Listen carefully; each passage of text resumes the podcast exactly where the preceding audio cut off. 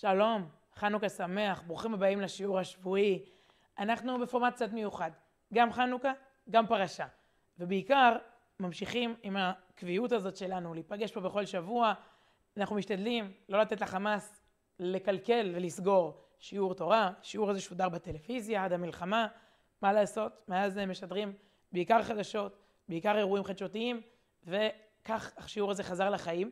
באדיבות הארגון נפש יהודי שפרס עליו חסות, חלק מהפעילות של נפש יהודי במלחמה, נפש יהודי הומייה, כך קוראים לפרויקט שעוזר כל כך הרבה, גם לסטודנטים של נפש יהודי שנמצאים בשטח, בעורף, בחזית, בצו שמונה, הזדמנות לברך אותם, גם שישובו לשלום, את אלה שכן התחילו את uh, הסמסטר האקדמי עם נפש יהודי, את התוכנית, את הלימודים, וגם למי שצופה בנו ולא קשור, ויש לו נפש, גם אם הוא לא בנפש יהודי.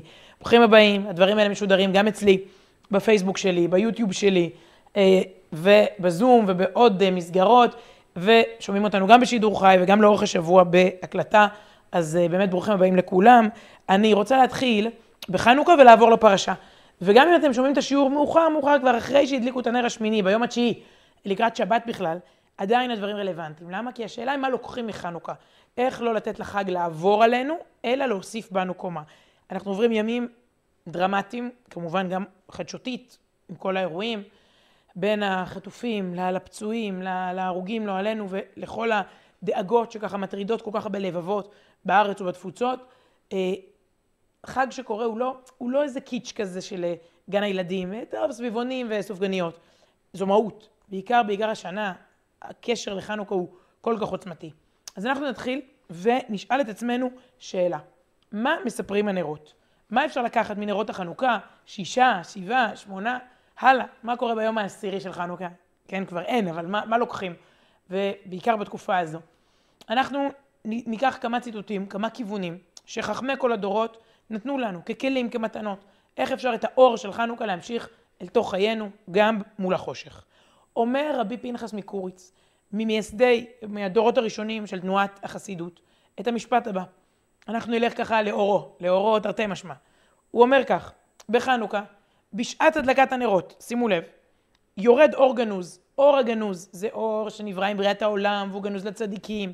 זה אור מיוחד, אני לא מבינה בקבלה ובחסידות, אבל אור מיוחד יורד לעולם בשעה הזו, ולכן יש לכל אדם להישב, כלומר לשבת אצל הנרות שלו, אחר הדלקה, כל החצי שעה. כלומר, מי שיכול, מי שבשטח, מי שבכל מיני תנאי חי, חיים כרגע פחות uh, תקינים, מדליק איך שהוא יכול, כמה שהוא יכול. יש הרבה הלכות uh, שנוגעות להלכות חנוכה במצבי חירום. מי שיכול, מי שיכולה, להדליק ולשבת אצל הנרות שלו חצי שעה כדי להביט באור הגנוז. ואולי מי שיכול יעשה זאת גם בשביל מי שלא יכול השנה, ויתפלל עליו עוד יותר, ויחשוב עליו עוד יותר, ויעשה את זה גם בשבילו. אז בואו נראה כמה דברים שאפשר לעשות מול הנרות. מול הנרות אנחנו שוב שוהים. יש משפט מפורסם שהנרות מדברים אלינו, בחסידות, אומר את זה רבי יוסף יצחק שניאורסון, שצריך להקשיב מה אומרים לנו הנרות, להתבונן ולראות מה הנרות מספרים לנו, מה הם אומרים לנו. אז אנחנו ניקח כמה כיוונים רלוונטיים במיוחד השנה מתוך הנרות. קודם כל מול הנרות אפשר לתקן את סרטוני הזוועה שנחשפנו אליהם. נשמע הזוי. שנים, זה כתוב אצל הרבה פרשנים בהרבה ספרים, שהנרות הם תיקון לראייה. כלומר, הרי כתוב לראותם, לראותם בלבד. אנחנו רואים את הנרות, רואים משהו. זאת אומרת, הניצוץ של החשמונאים.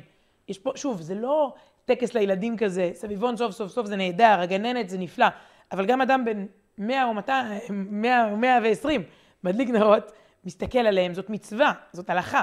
זה, הוא מביא אור לבית שלו כאן ועכשיו. לא רק זכר לחנוכה של פעם, קורה משהו עכשיו בעולם. והרבה שנים באמת אה, אה, הייתי מצטטת בשיעורים של חנוכה את הרעיון הזה, שהנרות מתקנים את כל הדברים הלא טובים שראינו השנה. הרי העיניים שלנו לא תמיד רואות רק דברים חיוביים. כמה פעמים הם פזלו לסרטונים אלימים, לדברים שמחפיצים, לדברים פוגעניים, לדברים צהובים ובעייתיים ואפילו מזעזעים, לכותרות שלא רצינו לעשות אבל עשינו קליק, לדברים ששלחו לנו בוואטסאפ ולא רצינו. העיניים היום מותקפות מכל כיוון, בעיקר דרך המסכים. גם במציאות. השנה במיוחד. השנה אני חושבת שהתיקון הזה של נרות של הראייה הוא עוד יותר עמוק. ראינו דברים קשים מחנוכה שעבר, דברים שלא דמיינו שנראה, שלא חשבנו שאנחנו וילדינו אי פעם נראה כי לא דמיינו שהם יתרחשו. אנחנו ראינו אנשים נחטפים, נרצחים, נטבחים. כמה שפחות, אני בטוחה שהשתדלתם אולי להימנע, ואולי לא עמדתם בפיתוי, וצילקתם את הנפש ואת העין. להביט בנרות. מי שמחפש תיקון לראייה מקולקלת, אומרים חכמינו, יתקן את זה על ידי הבטה בשלהבת. והשנה כל כך הרבה דברים קשים ראינו, יש לנו הזדמנות להביט בנרות, לראות אור, לראות טוב, לתקן את הראייה. זה לא רק רעיון מיסטי, רוחני כזה, חסידי, שאני אומרת לכם פה. שמעתי את זה ממומחית, אחת המומחיות, אחת הפסיכולוגיות שהגיעה אליי לאולפן לאורך הימים, אמרה דבר מעניין. היא אמרה, אנחנו צריכים לעשות לעצמנו שטיפת מוח. זה נשמע לא טוב. היא אמרה ככה, אנחנו, אם ראינו דברים רעים, זה סוג של שטיפת מוח. זה מתיישב על התודעה. מי שראה, צריך להציף את המוח בסרטונים הפוכים. של בנייה, של חוסן, של שמחה. לכו ותראו סרטוני חתונות, אה, מתוך הבסיסים, הצעות נישואים, אני לא יודעת מה. את אה, איש הריבו שר לחיילים, לראות סרטונים של, של, שעושים, שעושים לך, לך טוב, להציף את העין הפוך. ככה אמרה לי איזה פסיכולוגית בתחילת המלחמה באחד השידורים. אז נרות חנוכה זה אותו, אותו עיקרון, לתקן את הראייה. נקודה שנייה שנרות יכולים לתקן ואפשר להתחבר אליה, שוב, השנה יותר מתמיד, הכל נהיה יותר אקטואלי, יותר חי, יותר, יותר אמיתי השנה. כאילו, אנחנו ממש מרגישים שחנוכה זה זה. זה. נקודה שנייה נוגעת לבית. איפה מדליקים נר? גם אם היינו בהדלקה גדולה במקום העבודה שלנו, או באיזה חנוכיה גדולה של חב"ד ברחובה של עיר, עדיין אדם צריך בסוף להדליק נר, איש וביתו. להדליק, ככה אומרים בהלכה, להדליק בבית. אדן החלון. בית, משפחה, זה במובן מסוים המוצר במרכאות שאנחנו מפרסמים. פרסומה היא בדרך כלל, אם יש שלטי חוצות, יש איזה כזה spotlight, איזה פנס שמאיר אותם, נכון? מה שרוצים שיראו, מאירים. נרות חנוכה מאירים את המוצר במרכאות שאנחנו גאים בו, שאנחנו רוצים להראות בחנוכה. את המשפחה, את הבית. ככה מדליקים. עומדים ליד החלון ומאירים את העולם. בתפר המיוחד הזה שבין הפנים לבין החוץ. כלומר זה ביתי אבל מאיר החוצה. זה לא בחוץ ברחוב, זה לא בפנים בפנים נסתר, זה מאיר, וכשאנחנו עושים סיורי חנוכיות, כשאנחנו עוברים ורואים חנוכיות יפות, אפילו סתם ברחוב, לא צריך לבוא לסיור חנוכיות רשמי, אנחנו רואים חנוכיה זה, זה, זה, זה הבית, זה שוב, זה בין הפנים לחוץ, זה הגאווה המשפחתית, הביתית, היפה. למה זה חשוב השנה? מה חיללו השנה? את הבית היהודי. במלחמת יום כיפור, צבא מול צבא. היה נורא והיה קשה. צבא מול צבא. במלחמת שמחת תורה, צבא מול בית. סליחה, חמאס מול בית. ארגון טרור רצחני, שהאויב שלו זה ילדי בארי, האויב שלו זה נשות שדרות, האויב שלו זה משפחות בכפר עזה, בתים. בתים הפכו לשדה קרב. בתוך הממ"ד, בתוך המטבח, בתוך הסלון, תמונות הזוועה של מדיח ושל מקרר, של חדר ילדים עם דם, של בובות, אנשים נחטפו מתוך בתיהם, הבית חולל.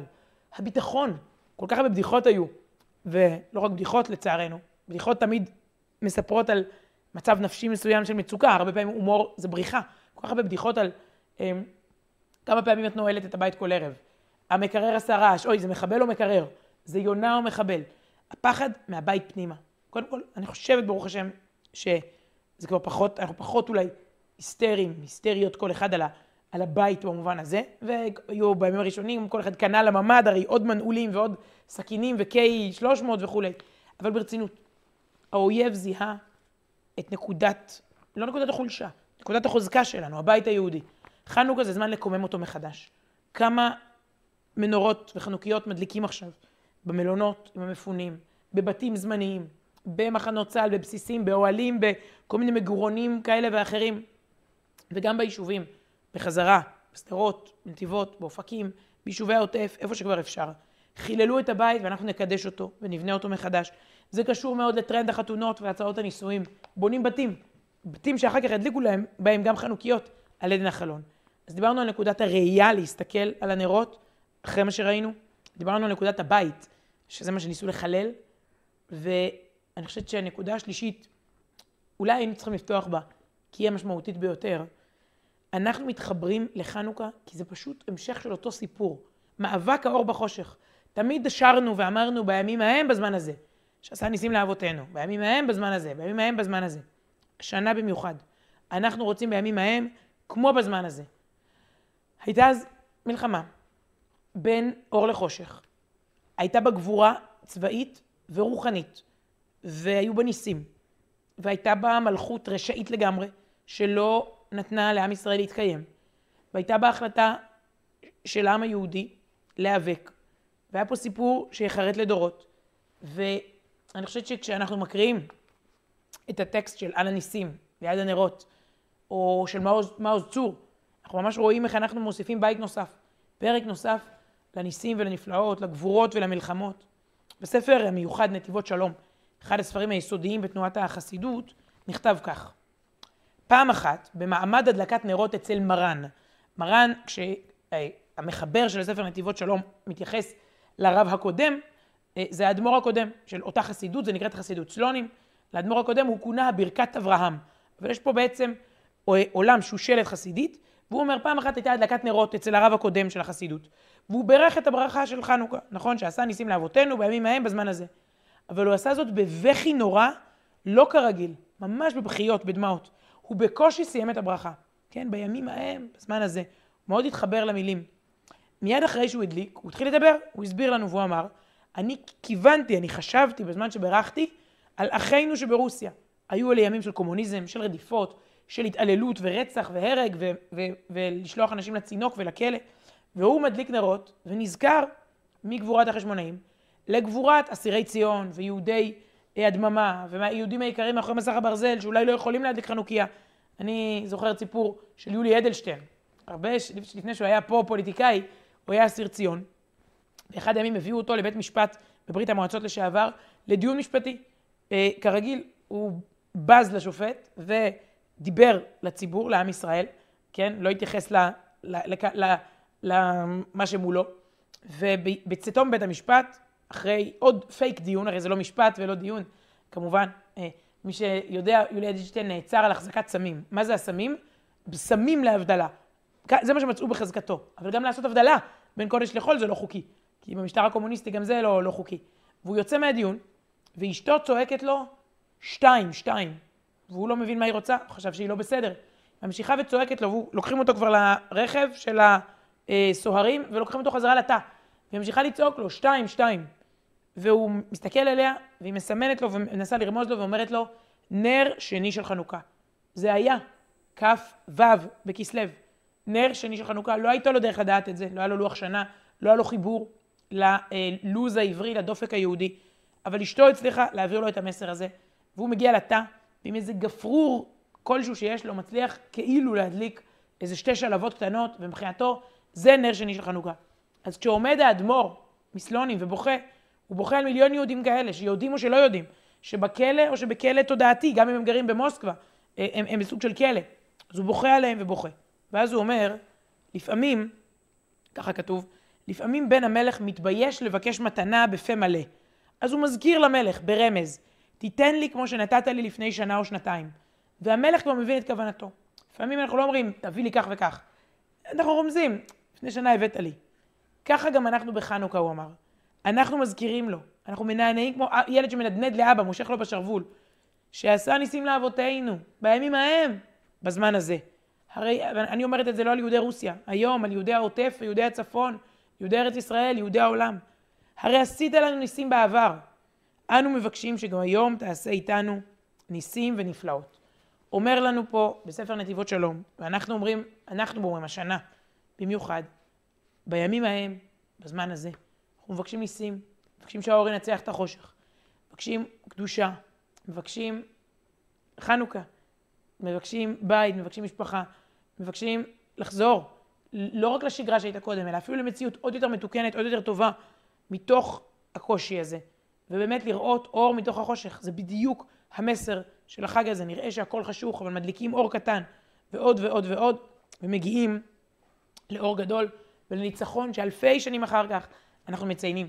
שמעתי על ילד ששאל את אבא שלו, אבא, גם כאן יהיה חג? יעשו חג על שם המלחמה, על שם הניצחון, בעזרת השם. נקודה נוספת. דיברנו על נרות, על ההתבוננות, דיברנו על זה שזה בכניסה לבית, דיברנו על בימים ההם בזמן הזה.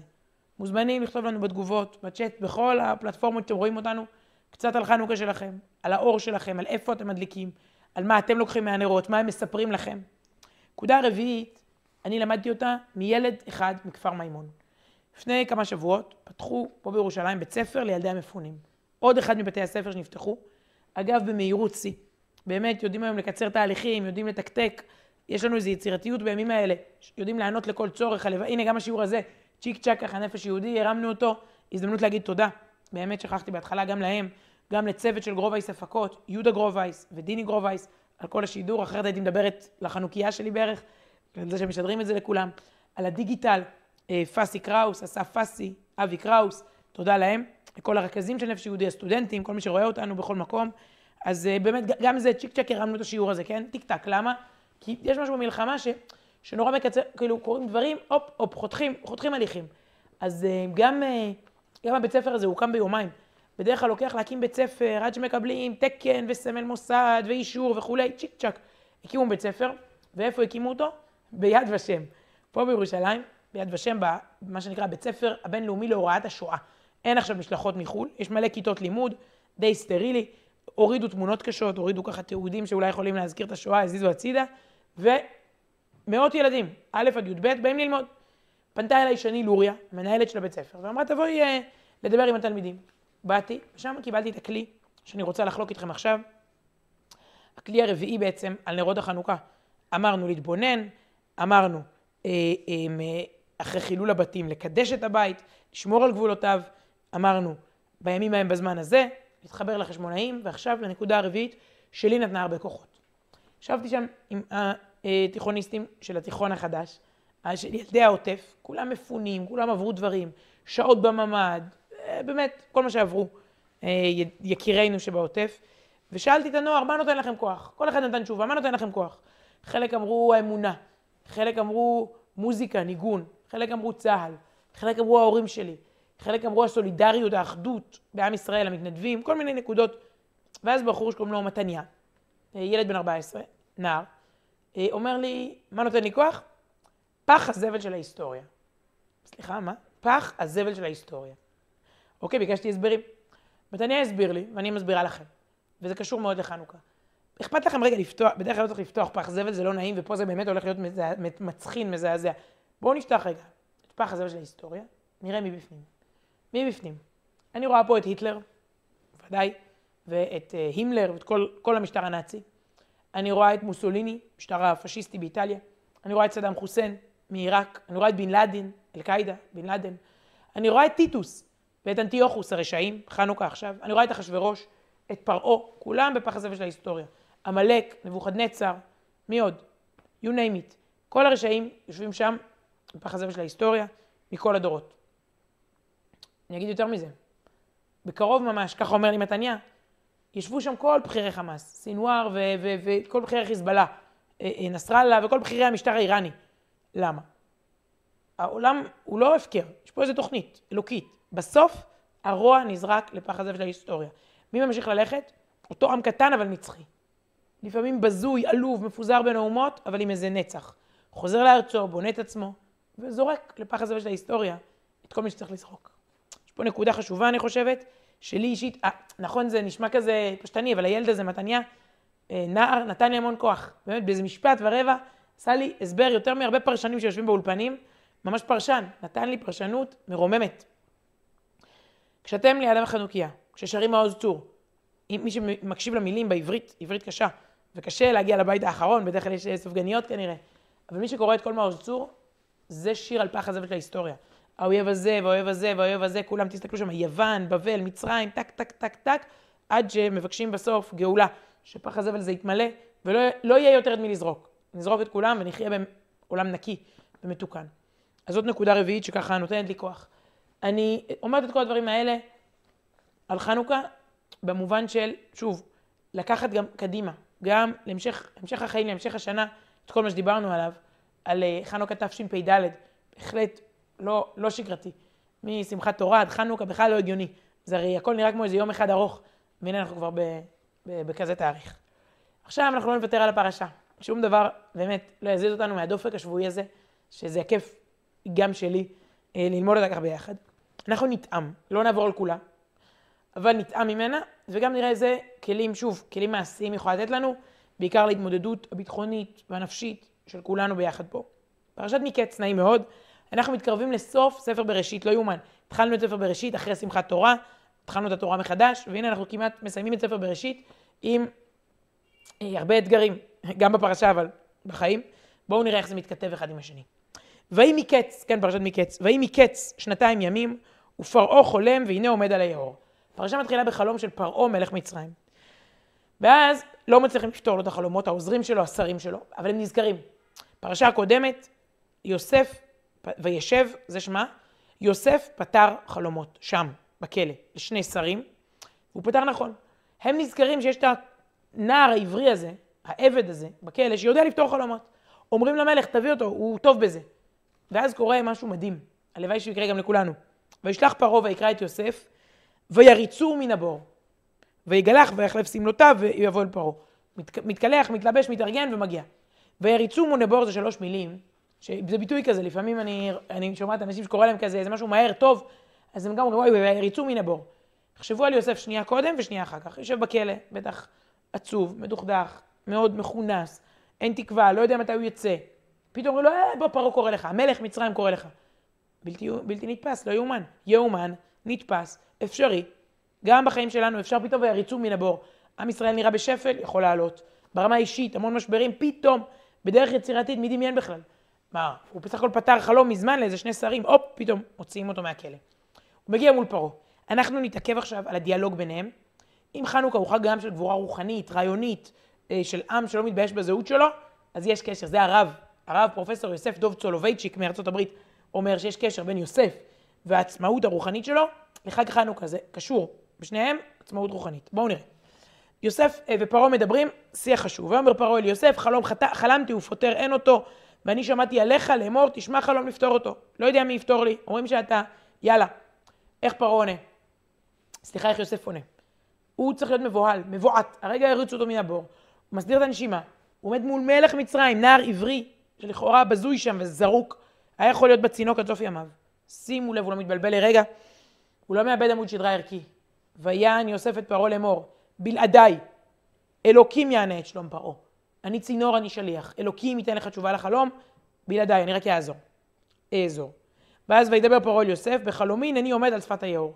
פה ברשותכם לא נקריא את הכל, אבל אה, הוא מספר על, אה, הנה מן היאור עולות שבע פרות, בהתחלה עולות פרות בריאות, מאוד ככה, הרבה בשר, בריאות בשר וכולי, והן רואות באחו, עולות שבע פרות דלות, רעות, רזות כאלה, כחושות מאוד, בלי בשר, ממש שלא ראו כמוהן לרוע, והפרות הריקות, הרזות, אוכלות את שבע הפרות השמנות, הבריאות, ולא נודע כי באו אל קרבנה, כי באו אל קרבנה, והוא מתעורר. הרזות אוכלות השמנות, פרעה מתעורר. ואז עוד פעם, הוא רואה בחלומו שבע שיבולים.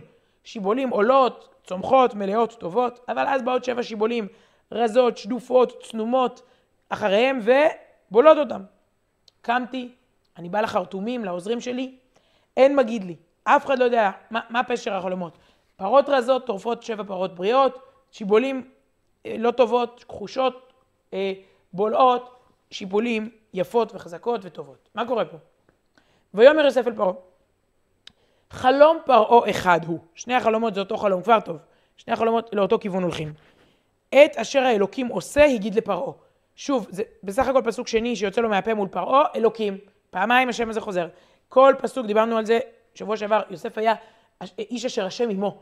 ההצלחה שלו, הוא היה איש מצליח, התורה כותבת, תמיד מזכיר, ברוך השם, בעזרת השם, אז הנה, רואים את זה במציאות, הנה. אז הוא אומר לו, טוב, את מה שאלוקים עושה, הוא אומר לך. ואז הוא מתחיל לפרש לו. שבע פרות הטובות זה שבע שנים, שבע שיבולים טובות, זה, יהיו כאן שבע שנים טובות. ואז יבואו שבע שנים רעות, כמו הפרות. אותו הדבר, גם החלום השני. הוא הדבר אשר דיברתי אל פרעה, אשר האלוקים עושה, הראה את פרעה. הנה, שוב פעם, אלוקים.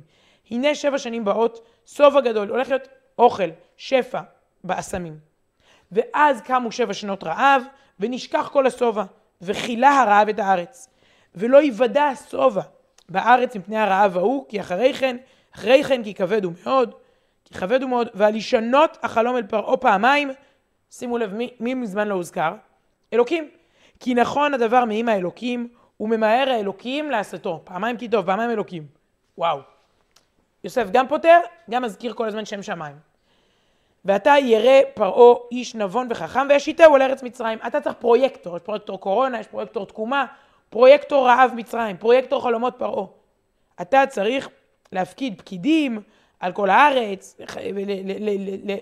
להתארגן. הם יקבצו את האוכל, הם יעשו מחסנים, יצברו ור תחת יד פרעה, הם שמרו את האוכל, וזה יהיה פיקדון כדי לשמור את זה לשנות הרעב. ויטב הדבר בעיני פרעה ובעיני כל עבדיו. וואלה, יש פה בחור שמבין עניין. ויאמר פרעה אל עבדיו. עכשיו פה מגיע המהפך. פרעה שומע את יוסף, קודם הוא לא דיבר ככה, אבל כשיש אדם שמשפיע עלינו טובה, ויאמר פרעה אל עבדיו, הנמצח הזה איש אשר רוח אלוקים בו. הופה, אתה פרעה, אתה חושב שאתה אלוקים, אתה עובד עבודה זרה, אתה מצרי, אתה בכלל אולי אמור להיות רשע. הנמצא כזה איש אשר רוח אלוקים בו. הוא שומע מיוסף גישה חדשה לחיים, גם הוא מחפש. ואז ויאמר יוסף אל פרעה, שוב, אחרי הודיע אלוקים אותך את כל זאת, אין נבון וחכם כמוך. אתה, אלוקים איתך, אני רואה, אתה. והוא שם אותו, משנה למלך ואחראי על בית פרעה, הוא פרויקטור הרעב. אבל הפרויקטור הזה גרם לפרעה לשנות שיח, לשנות שפה. כמה אנחנו יודעים להשפיע טוב? כמה אנחנו בתקופה הזאת, הקשה, מזכירים שם שמיים. יוסף היה במצב הכי קשה. בכלא, בזוי, האחים שלו זרקו אותו, מכרו אותו, מי יודע שהוא חי, מת, יעקב, האחים, איזה, בזוי. זה משבר אחרי משבר, זרקו לבור, ואז, ואז זרקו לבית פרעה, ואז זרקו לכלא. ובכל זאת, אלוקים על שפתיו. הוא לא שוכח מי הוא גם בשעות החשוכות של הלילה. וגם כשהוא קורא לש... לילדים שלו שמות. ויקרא יוסף את שם הבכור מנשה. למה? כי נשני אלוקים את כל עמלי ואת כל בית אבי. אני זוכר, אלוקים. ואז ואת שם השני קרא אפרים. כי הפרני אלוקים בארץ עוני. השני הוא כבר היותר השתקעות וצמיחה. ולא משנה, אצל שניהם הוא אומר אלוקים כשהוא קורא להם בשמות. שוב יוסף מזכיר לנו אה, מי מנהל פה את העסק, מי הבעל הבית. ואז אנחנו רואים את הדוגמה הנוספת לשליטה עצמית אצל יוסף, שהוא מודל. הוא מודל להשתלבות בתרבות זרה. הרבה מאוד פעמים אנחנו נחשפים לדברים, נמצאים בסביבה שהיא לא הסביבה הטבעית שלנו. איך מתנהגים? כמו דג במים, כלומר, מאמצים את הקודים, את השפה, את ההתנהגות, או שיודעים לשמור.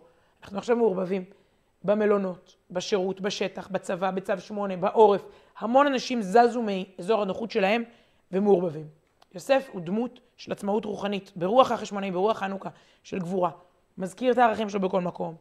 זוכר את זה בשמות הילדים, מעניין, אני רק רואה ילדים שקוראים להם בארי, עוז וישראל, או על שם כל מיני נופלים יקרים, כל מיני שמות, כל שם עכשיו הוא חתיכת אירוע. כמו שיוסף נותן שמות עם משמעות וערך. ואז מגיע הסוף, אנחנו עושים איזה, זה עוד לא closure, שבוע הבא, פרשה ממשיכה. אבל האחים מגיעים. יוסף כבר בשיא התפקיד, מצרים, עושר, אוסף את התבואה, מוכן לרעב, ויבואו בני ישראל לשבור בתוך הבאים, כי היה הרעב בארץ כנען. מתחילות שנות הרעב, לא רק במצרים, גם בישראל, והאחים שלו, אלה שזרקו אותו לבור, צריכים להביא אוכל ממצרים. ויוסף הוא השליט על הארץ, הוא המשביר לכל עם הארץ, ויבואו אחרי יוסף וישתחוו לו אפיים ארצה. הופ, חלומות יוסף מתגשמים. זוכרים שהוא חלם שישתחוו לו? הנה, מגיעים. אבל, וירא יוסף את אחיו, ויקירם, ויתנכר עליהם וידבר איתם קשות. ויאמר אליהם, מאין באתם? ויאמרו מארץ כנען לשבור אוכל. פה יוסף בעצם מזהה אותם, ויכר יוסף את אחיו, והם לא הכירו. פה מתחיל באמת השליטה העצמית של יוסף. שליטה עצמית זה לא רק להגיד, ברוך השם, בעזרת השם, שזה חשוב. לא רק להזכיר את אלוקים בכל מקום, בשמות הילדים, בשיח עם פרעה, ולהתנהג בכלא בצורה מתוקנת. שליטה עצמית זה לעמוד במבחן.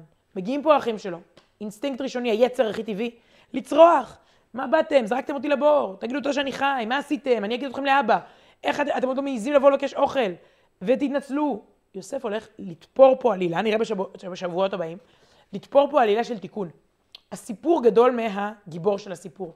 יוסף מבין שהוא רק צינור, ושצריך לייצר אחדות בין האחים, אחדות בין השבטים, זה מוכר גם בחברה הישראלית, הוא הולך לעשות לכל הסיפור הזה איזשהו closure. הוא יעמיד אותם במבחן על אח אחר, על בנימין, והוא יראה האם הם נאמנים. זה הולך להיות האירוע, נגיע לזה.